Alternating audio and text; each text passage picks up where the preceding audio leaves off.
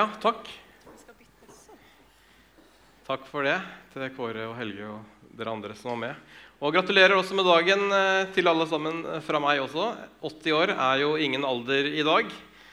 Og som dere hørte fra Vidar, så var det opprinnelig min kollega Odd Arild Berge som skulle holde denne jubileumstalen, men hadde dessverre et uhell på sykkelen og slo eh, hodet sitt og har fått en hjernerystelse. Men han hadde heldigvis på hjelm, så håper at det har eh, tatt av det meste, og det er viktig å bruke hjelm. Men jeg håper at det kommer seg raskt, så er jeg gjerne med å be om rask fremgang eh, og legedom. Han har ikke vært på sykehuset, men han har vært hos legen eh, og fått eh, beskjed om å ta det rolig en ukes tid. Så håper vi at det hjelper, men det er jo alltid litt sånn usikkert med hodeskader. Så han tar det rolig, og så ber vi om rask fremgang og legedom for Odd Arild. Så jeg har støppet inn og prøvd å være litt tro mot de tankene som Odd Arild hadde for denne søndagen. Sånn at noe av det jeg sier i dag, det er Odd Arilds eh, tanker. Sånn at dere også vet om det. Vi har kalt denne taleserien over to søndager 'Fortid eh, og fremtid', som vi kan se her på, på, skjermen. Og Vi hadde også fokus på det forrige søndag når jeg talte om forsoning og tilgivelse. Vi fikk også høre litt fra menighetens historie da. Og så skal vi fortsette å høre litt også fra historien nå. Og Vi skal høre fra tre personer i tre ulike epoker i menighetens historie. Og Vi skal begynne med Kåre, som også delte litt på video sist søndag. Og Kåre, som nevnt, snart 94 år, vært med i menigheten siden starten i teltet. Og han ble innmeldt i september 1939 og feirer også 80 år som medlem i menigheten. Så Kåre, kan ikke du fortelle litt om hvordan det var når du kom inn i menigheten i teltet for første gang, og din opplevelse? Vær så god. Ja, nei, Det er sikkert mange som kan denne historien. Jeg har fortalt den sikkert til mange. og Jeg måtte fortelle den på, til vennene i Viseguttene en kveld. Men eh, nå skal dere få originalen fra først til sist. Så eh, kanskje ikke det alle som har hørt den. Det var slik at vi var en en gjeng gutter som var på byen og, og hadde det greit. Og så fikk vi se en plakat på en stolpe.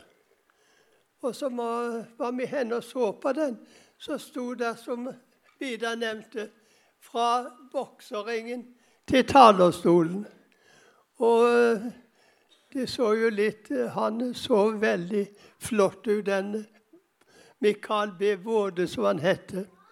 Og så sto det at det skulle være vekkelsesmøter i et telt på Skargam. Og vi ble litt nysgjerrige, så vi stikker opp der til kvelden, og så, så, får vi se nære typen som hadde vært bokser. Det var det som sto i, i, i tanken.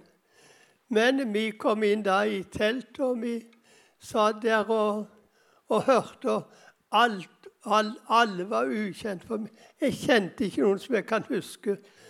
Men eh, jeg sa det, men så ble jeg grepen av den talen som ble holdt. Så når møtet var over, så, så havna jeg i bønnerommet. Tenk, og så ble jeg bedt, og så ble jeg frelst. Og så har jeg fått lov til å leve med Jesus i 80 år der, kan jeg tenke magen. Tenk, han har bevart meg hele veien, og han har vært så god imot meg. Og så har jeg fått lov til å tilhøre Misjonskirka. Det har vært en, en, en, glede for meg. Det har vært et hjem for meg. Det har vært, det har vært mitt liv, for å si det sånn. Og, men nå kan jeg jo fortelle litt åssen de tok imot meg da. Det var et par gutter til også som ble frelst den kvelden, men etter hvert så, så forsvant de. Så jeg ble stående litt alene. Det var ikke noen andre unge gutter der og, som jeg kunne ha kontakt med. Men dere, det var, det var noen som så meg. Der hørte jeg sa det var noen som så meg. Og de tok tak i meg. Og så, så var det jo ikke noe aktiviteter for ungdommen i vekkelsesmøter. Men så hadde de danna en musikkforening som sang og spilte under møtene. Så spurte de vil du ikke være med i musikkforeningen. Jo, de ville jo gjerne. Og dermed så var det gjort.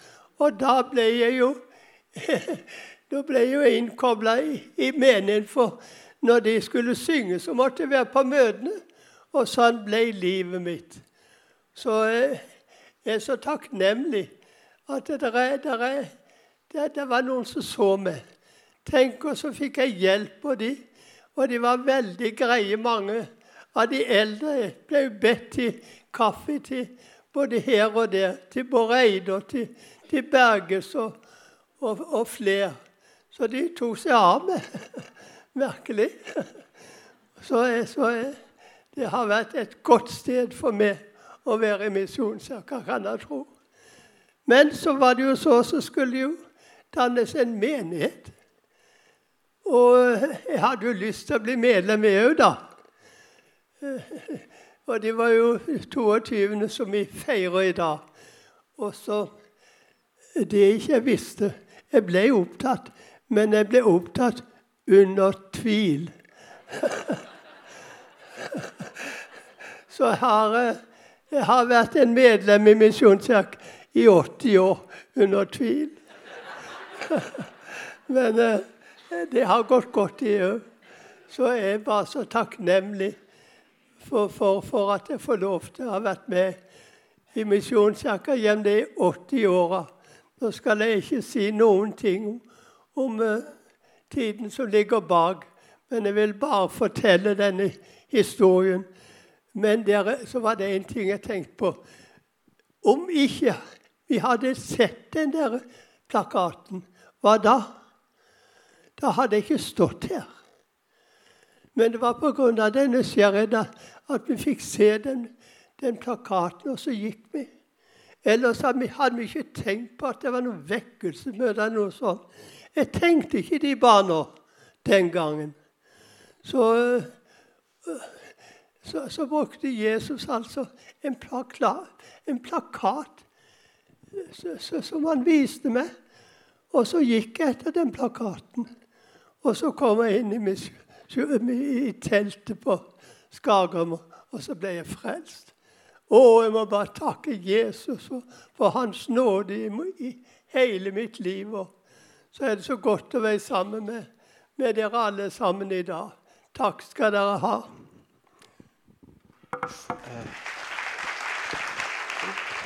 Takk, Kåre.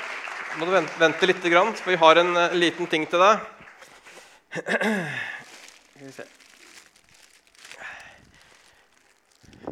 Det er jo ikke bare menigheten som feirer 80 år, men du feirer jo 80 år som medlem. Så, så dette er en, en, en liten takk eh, sånn, Kanskje ble du tatt opp under tvil, men det er ingen tvil om at det har vært en glede å ha deg med som medlem så lenge i Misjonskirken. Det er viktig å si. Så til deg og Eva så det, har vi en liten blomst. Ja. ja så håper det Ja. Jeg må bare si noe på til for jeg, hadde, jeg fant frem en, en bibel av Evas. Og så tenkte jeg den var en så grei i størrelse. altså.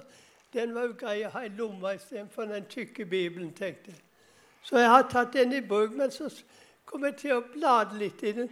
På baksida så sto det hun ble frelst i teltet den 6. august. Og da var det Ødegård og, Sti som talte Guds ord den dagen. Jeg syns det var så godt å se. Og så var det et annet sted som hun hadde strek under et, noen bibelvers. Og så hadde hun skrevet under 'Halleluja'.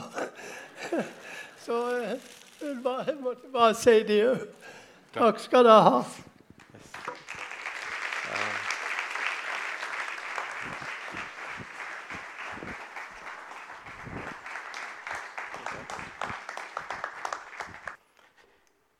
Yes. Det er sterkt å høre Kåre fortelle. Og takk for det at han hadde mulighet til å være her og både synge og, og fortelle fra historien. Det satte vi stor pris på, Kåre. Tusen takk. Til inspirasjon for oss alle. At troen også holder gjennom livet. Vi skal få opp eh, Kristin Brendeland. Som eh, også har eh, vært medlem en stund. Hun har vært medlem egentlig i flere eh, runder, for hun har flytta litt til og fra. Men sist, sist, gang du ble medlem her, det var, i, det var 26.9.1999. Så du feirer jo da om noen få dager 20-årsjubileum, i hvert fall for ditt siste medlemskap på en måte, i Misjonskirken. Ja, det visste ikke jeg, men det var jo Nei, ikke bra sant? informasjon. Ja. Men du har jo vært medlem lenger da totalt, hvis man legger sammen. Eh, så du skal også få lov til å fortelle litt fra en epoke da litt etter eh, at eh, Kåre ble medlem. Så kommer du inn i Misjonskirken. Og hvordan skjedde det? Ja, Det skjedde ved at eh, jeg ble egentlig sendt litt rundt omkring. Jeg skulle nemlig gå på søndagsskolen, syns mine foreldre. Og jeg vet ikke om jeg var helt enig, men jeg gikk rundt omkring på forskjellige søndagsskoler, og da tro, jeg tror jeg, var, jeg ble sluppet av gårde når jeg var sånn fem-seks år. altså. Men jeg kryssa aldri E18, så søndagsskoler liksom innenfor byens grenser der. Eh, men eh, jeg trivdes ikke så veldig godt. Og så en, eh, en morgen kan jeg huske jeg sto og hoppa oppi dobbeltsenga til foreldrene mine. Det var sånn springfjærmadrass. Det var ikke lov til å hoppe, men jeg gjorde det likevel, for det var så gøy. Og så var det bare noe som Jeg bare stoppa, og så sa jeg OK, Jesus. Fordi jeg elsker deg, så skal jeg gå på søndagsskolen. Og da eh, tok jeg, og så dro jeg til Misjonskirka. Og der sa jeg til eh, lederen at det er ikke sikkert at jeg kommer tilbake. For det at foreldrene mine vil nok kanskje ikke at jeg skal gå på søndagsskolen. Og det var jo en løgn. Eh, for det ville de. Men jeg skulle bare ha en liten, sånn, sånn liten enkel vei ut. Men så trivdes jeg så godt at der, jeg ville være i Misjonskirka. Og jeg gikk nok litt grader og var ikke den mest trofaste, men jeg tror jeg kom over et sånn søndagsskolekort. Livets krone. Og der kunne du ta inn sånne gullkroner. Og jeg syns jeg tok og telte 21, men jeg er ikke så veldig nøye med tall, så det kan hende at det var galt. Men i hvert fall så gikk jeg her, og så fikk jeg gå videre i gradene. Jeg begynte på speideren. Og det var helt eh, fantastisk. Det var ville tilstander. Eh, dro på, helg, eh, åtte, nei, på Viken åtte uker på rad en gang. Mm. Eh, og hadde og hadde Jan Jansen som liksom primusmotor. Men så hadde jeg Hilde Forsetlund og Karin Haugenes som patruljeførere. Og det var fantastisk. Og da hadde vi et bibelvers vi gikk gjennom i, i rådyrpatruljen. Og eh, da forsto jeg at jeg egentlig var frelst. Så etter dette her bibelkurset så står det 'Er du frelst?' Og så da skrev jeg 'ja' med bitte små bokstaver. Så jeg har fått lov til å eh, løpe rundt her i kirka. Og så har det vært hjemmet mitt. Og mine foreldre de var på en speiderfest en gang og så bare hvordan jeg bare løp sånn glad og lykkelig og trygg rundt. Og da tenkte de her er hjemmet til Kristin. Og det var veldig fint. Sjøl så gikk de i statskirka, men jeg fikk lov til å møte Jesus i Misjonskirka. Og så vet du, så dro det videre på speideren, og så var det junioren med Helge og um, Øyvind vel og Ellie. Ja vel, også. Mm. Og eh, det er sånn det skal spilles piano, sånn som Helge spiller piano.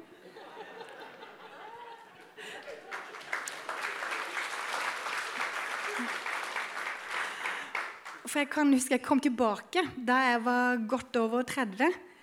Og så satte jeg meg ned på første gudstjeneste etter at vi kom tilbake til Grimstad. Og så spilte Helge 'Som en hjort lengter etter vann'. Og da tenkte jeg nå er jeg hjemme. Nå er jeg hjemme igjen. Mm. Så eh, hadde det kjempefint. Kan Ja, OK.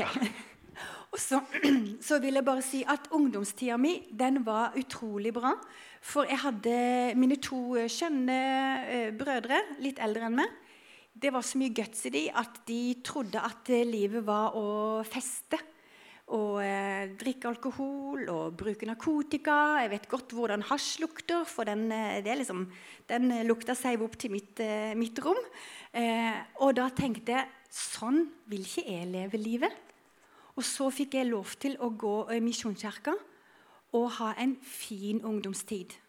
Den ble ikke bortkasta, for folk trodde på meg, ga meg oppgaver, og jeg ble sett.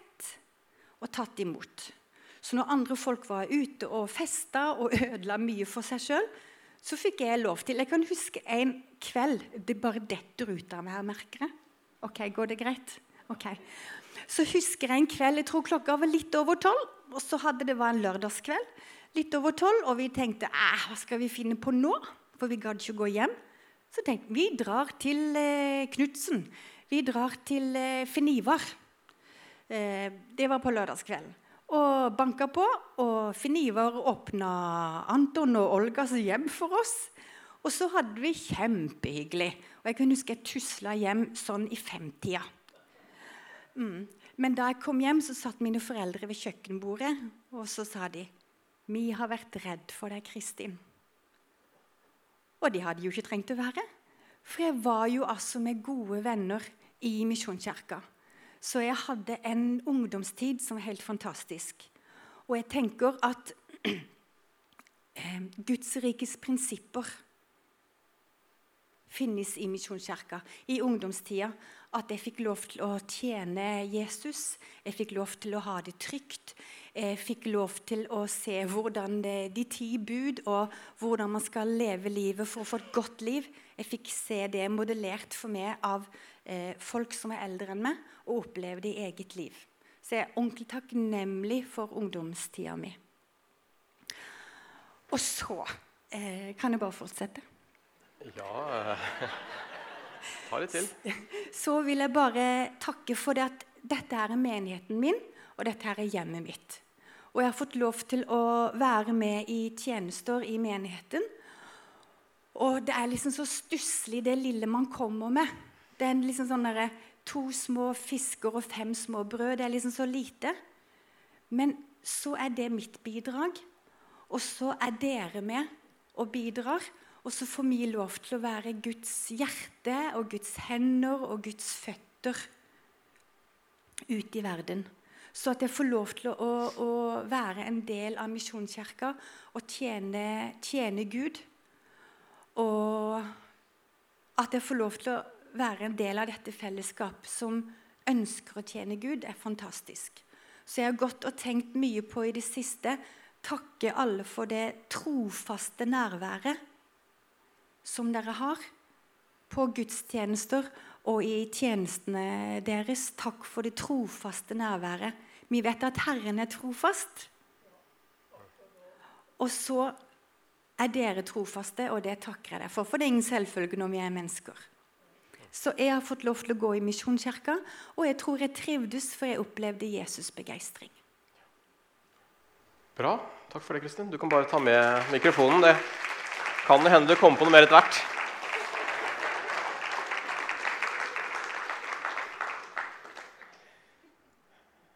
Fint å høre fra eh, Kristin fra en annen epoke i menighetens historie. Og vi skal høre fra en til. Eh, hun eh, kunne ikke være med oss på scenen i dag, men vi skal uh, se en video uh, av Anette Eidesund. Hun ble medlem i november i fjor, så hun har ikke vært medlem et år engang i menigheten. Og Vi skal få høre hennes inngang i Misjonskirken nå på en video. Noen av dere har sett den før. Jeg håper at lyden er sånn noenlunde. Vi prøver i hvert fall. Jeg er Anette Eidesund, født og oppvokst på Evje Ehm, jeg kommer fra et eh, ikke-kristent hjem, men jeg husker at eh, mamma av og til leste fra en eh, rosa bibel. Når jeg var 15 år, da mista jeg mammaen min. Og den sorgen og smerten som jeg opplevde da, den gjorde at jeg søkte det alternativet i nesten ti år. Jeg søkte yoga og healing og kontakta klarsynte for å få eh, et tegn eller kontakt med mamma. Eh, etter hvert så begynte jeg å kjenne en sånn indre uro.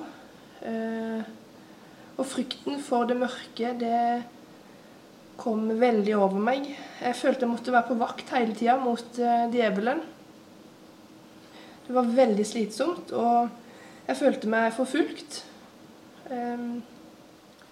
Så jeg kutta det alternativet ut. Og brukte enormt mye krefter på å holde djevelen ute. Eh, og i veldig mange år så var det under kontroll. Eh, men det å ha kontroll krever mye. Eh, og den indre uroen der var der veldig sterkt. Men så Min kollega Silje Gabrielsen, som også er med i kirka her, hun utsatte meg for en del tilfeldigheter som jeg da ser helt klart var Jesus som jobba. Altså, Jeg jobba med Silje nesten ett og et halvt år før hun plutselig en mandag deler eh, en opplevelse hun har hatt en helg. Samme helg som jeg har hatt en litt spesiell helg. Altså, Etter at Silje delte dette her, så gjorde det noe med meg. Og jeg kjører hjem fra jobb, griner hele veien uten grunn. Og bare noen sa Jesus i tida etterpå, så begynte jeg å grine. Um, Silje hun sender meg veldig mange lovsanger. Men den aller første lovsangen hun delte med meg, det var 'No Longer Slaves'. Som handler, at, uh, handler om at man er en um, slave for frykt. Akkurat sånn som jeg følte det. Og jeg er heller ikke sånn spesielt glad i musikk, men akkurat denne her sangen var, bare var fantastisk. Eh, første vitnesbyrdet som Silje deler eh, som hun spiller fra telefonen sin, handler eh, om en dame som har opplevd mye av det samme som jeg har opplevd. Og det var ikke Silje klar over. Så det var veldig mange tilfeldigheter. Og alle disse tingene gjorde noe med meg. Så jeg bestemte meg for å ta imot Jesus, eh, og kjenner ingenting med det.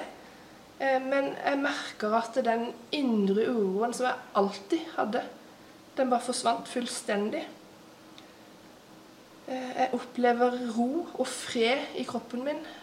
Og det hadde jeg ikke opplevd på mange år. Og det må bare oppleves for å forstås. Men det var ikke bare enkelt å si ja til Jesus, eh, fordi jeg måtte da eh, erkjenne at djevelen nå eksisterer. Noe jeg hadde brukt mye tid og mange år på å si til meg sjøl, bare var noe tull. Men jeg sier ja til Jesus i begynnelsen av oktober. Og, får, og så har det veldig bra og får mange bra bønnesvar. Eh, men etter hvert så begynner den åndelige kampen igjen. Djevelen eksisterer jo. Tror jeg nok på Jesus til at Jesus passer på meg, og er Jesus sterkere? Og frykten blir sterkere og sterkere. Jeg må kaste alle alternative bøkene mine. Jeg salver huset mitt, og jeg blir veldig dårlig. Um, men Silje sender meg bibelvers, og det hjelper umiddelbart. Og, og oppi denne her åndelige kampen så er jo Jesus med meg. Og han sier det så tydelig til meg at jeg må døpes. Yes. Uh, så sluttet hun litt brått med at hun sa at hun ville døpes. Og eh, hun valgte å døpe seg. Her, så jeg fikk lov til å døpe Anette her i menigheten i fjor. Og hun forteller om et veldig tydelig før og etter dåpen. Hvordan hun fikk en fred hun ikke hadde hatt før etter at hun døpte seg. Så I fjor høst så gikk hun alfakurs og ble altså medlem her i menigheten i november.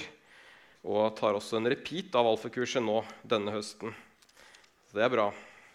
Men hun fikk et møte med Jesus fordi en kollega, Silje, da, valgte å dele et vitnesbyrd på jobben.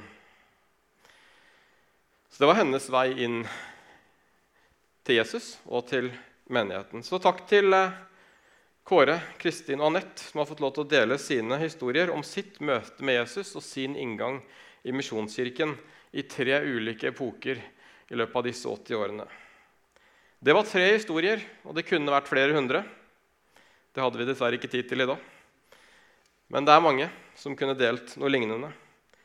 Når jeg kom flyttende hit til Grimstad for tre og et halvt år siden, cirka, pluss, pluss, så ble jeg medlem nummer 582, altså den person nummer 582 som ble tatt opp som medlem i Misjonskirken siden starten.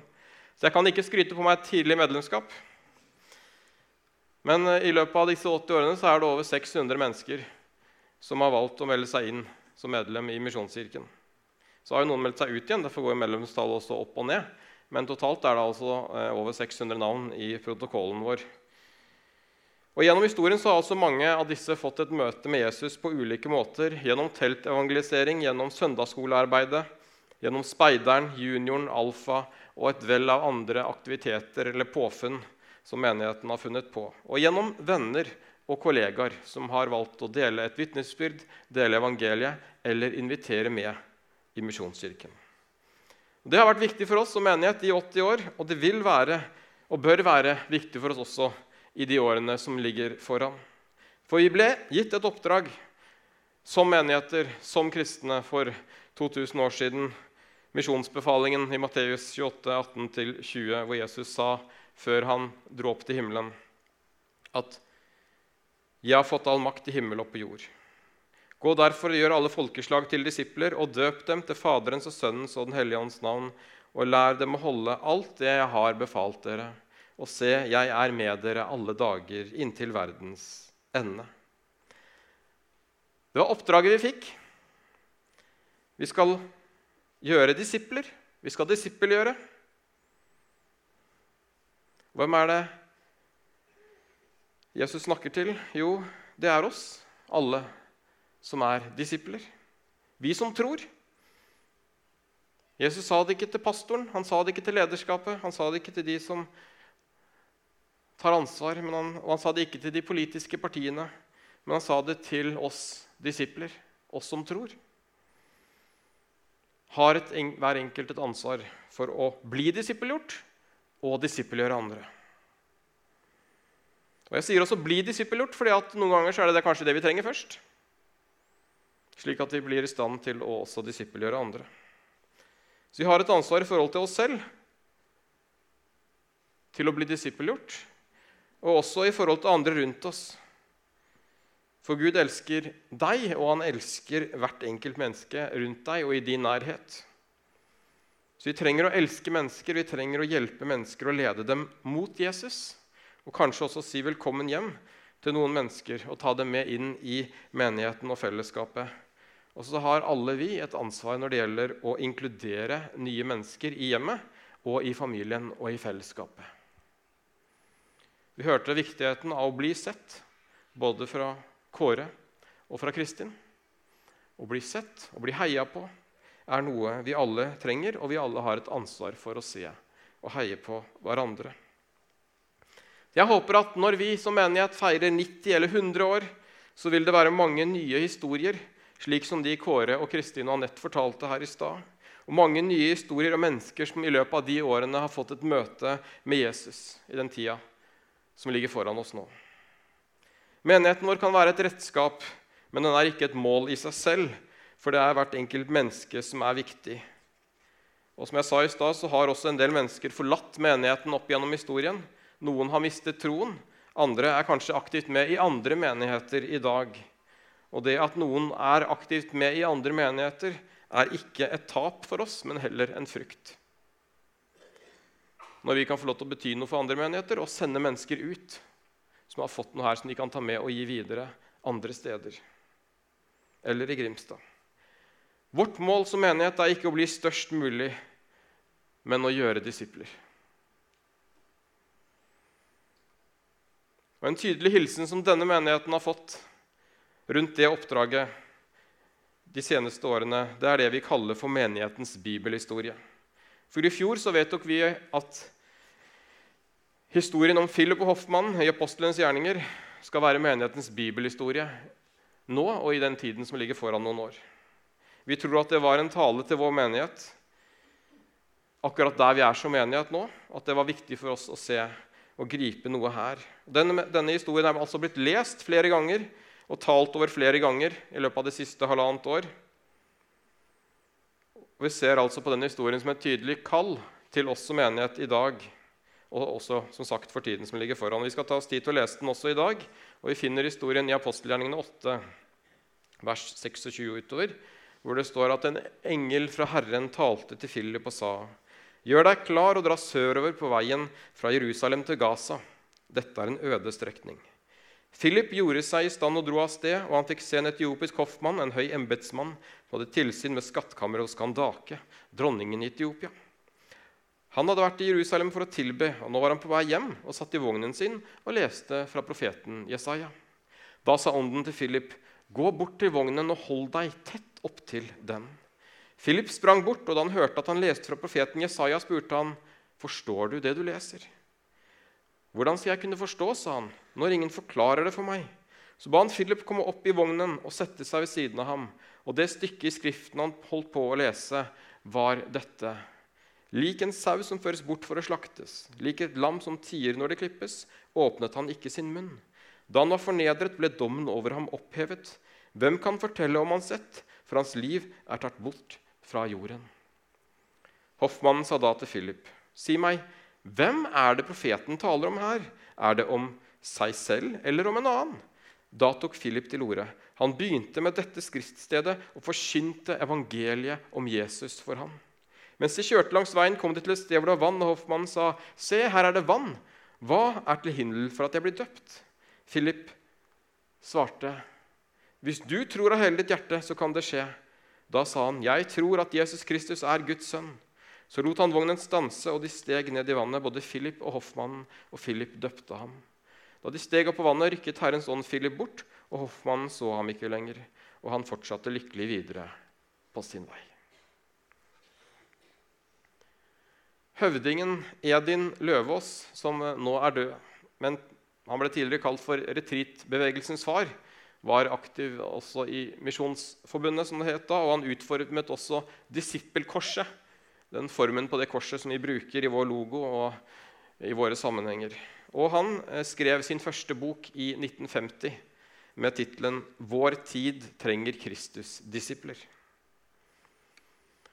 På mange områder så sier man ofte at Edin var mange tiår for tidlig ute på mange ting. Og jeg tror også at han kanskje var det her, men jeg tror han var inne på noe viktig også her. For det er mange som ber om vekkelse. Og jeg så tror som Edin at vekkelsen, den ligger her inne. Når du og jeg som etterfølgere av Jesus blir vekket opp fra selvsentreringen, fra behageligheten, fra materialismen eller hva som måtte ha dysset oss i søvn gjennom historiens løp. Og vi virkelig klarer å gripe at Gud har all makt i himmel og på jord, og at vi som hans disipler har en mening med våre liv til å utgjøre en forandring i våre omgivelser, så tror jeg at vi vil få se hoffmenn og andre som kommer til tro på Jesus i vår nærhet. Edun Løvaas skriver at hver tid har en nøkkel som passer inn i sin tidslås. I en tid så het kanskje den nøkkelen for vekkelsesmøte. Og det var ofte kanskje nok med en predikant og en plakat, slik at folk kunne komme til tro. I en tid var det kanskje søndagsskolen eller andre kristne treffsteder som var pop fordi at foreldrene gjerne sendte barna dit. Og ja, selvfølgelig i dag kan fortsatt Gud møte mennesker gjennom både teltmøter, det skjer rundt omkring, og på søndagsskoler, for det skjer også fortsatt rundt omkring. Men jeg tror også som Edin at vår tids vekkelse skjer mer og mer gjennom enkeltpersoner, gjennom relasjoner, som vi hørte bl.a. Anette fortelle om her. Som da var en kollega som var frimodig på jobb og delte et vitnesbyrd. Fortalte om Jesus. Og så gjorde det noe med Anette, og så tror jeg at det gjør noe med mennesker når vi deler vår tro og vi forkynner evangeliet om Jesus. Slik som Philip også fikk gjøre for hoffmannen i historien. Så jeg har tro på nåtidens Philipper, som først og fremst lar seg lede av Den hellige ånd inn i ferdiglagte gjerninger og som får lov til å gå tett opp til noen i en kort periode eller i en lengre periode, og som får lov til å forkynne evangeliet og sette ord på troen. Kristusdisipler som våger å snakke om tro, og som ikke godtar at samfunnet mener at troen er noe privat, men som inviterer til samtaler om tro rundt middagsbordet, i jobblunsjen eller på kafeen. For som jeg sa i stad, så er ikke vårt mål å få den største eller beste menigheten i byen. Men det er å gjøre disipler, eller som Edin Løvaas selv har sagt det Ingen bør ha sin identitet i sitt eget trossamfunn, sin egen kirke eller bevegelse. Vi bør se på oss selv først og fremst som kristne, først som disipler, først som Kristi etterfølgere. Jeg tror det også er viktig å tenke litt på når vi nå feirer 80 år og vi begynner å få en lang historie. Ja, vi skal sette pris på historien. Vi skal sette pris på det som ligger bak. Vi skal ta med oss det gode som vi kan ta med. Så la oss være takknemlige for det, og for alle som har kommet til tro gjennom menigheten her, gjennom virket, gjennom arbeidet, gjennom menneskene.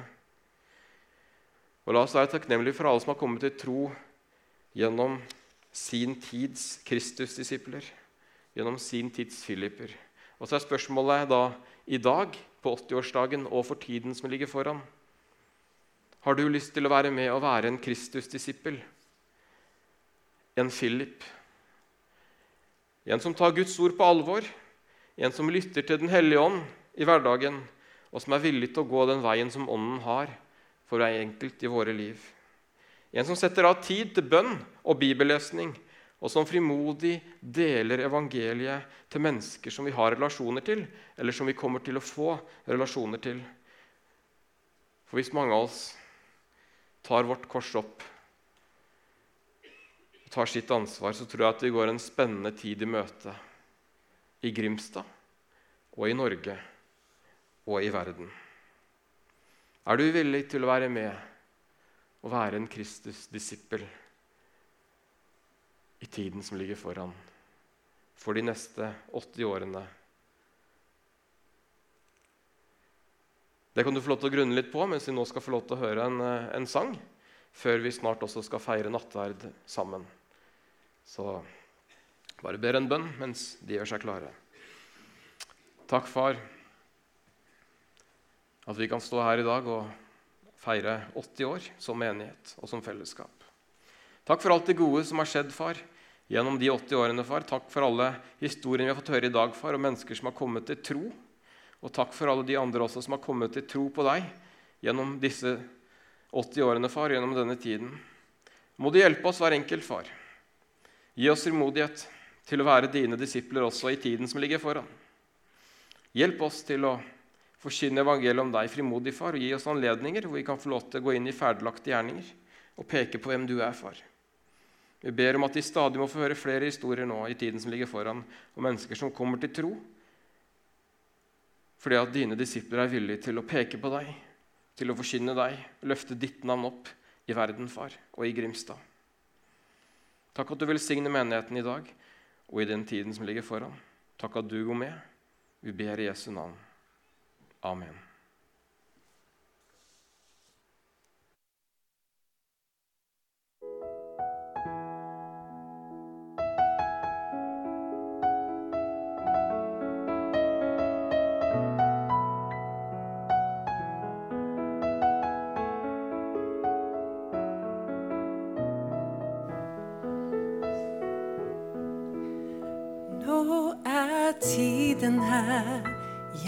Vil gå til deg. Med de ord som er blitt lagt ned i mitt hjerte og mitt sinn. Hel og ren, jeg kommer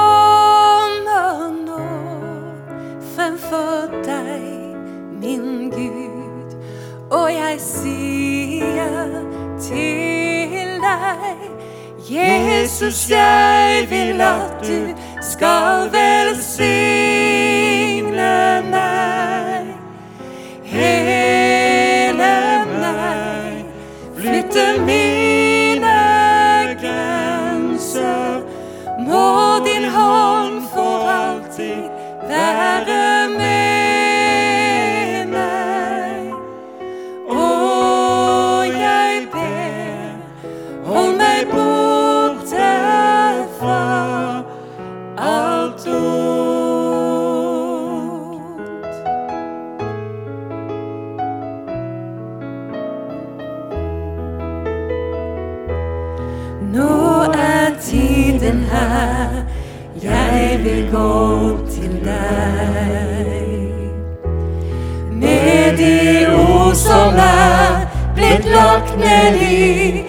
i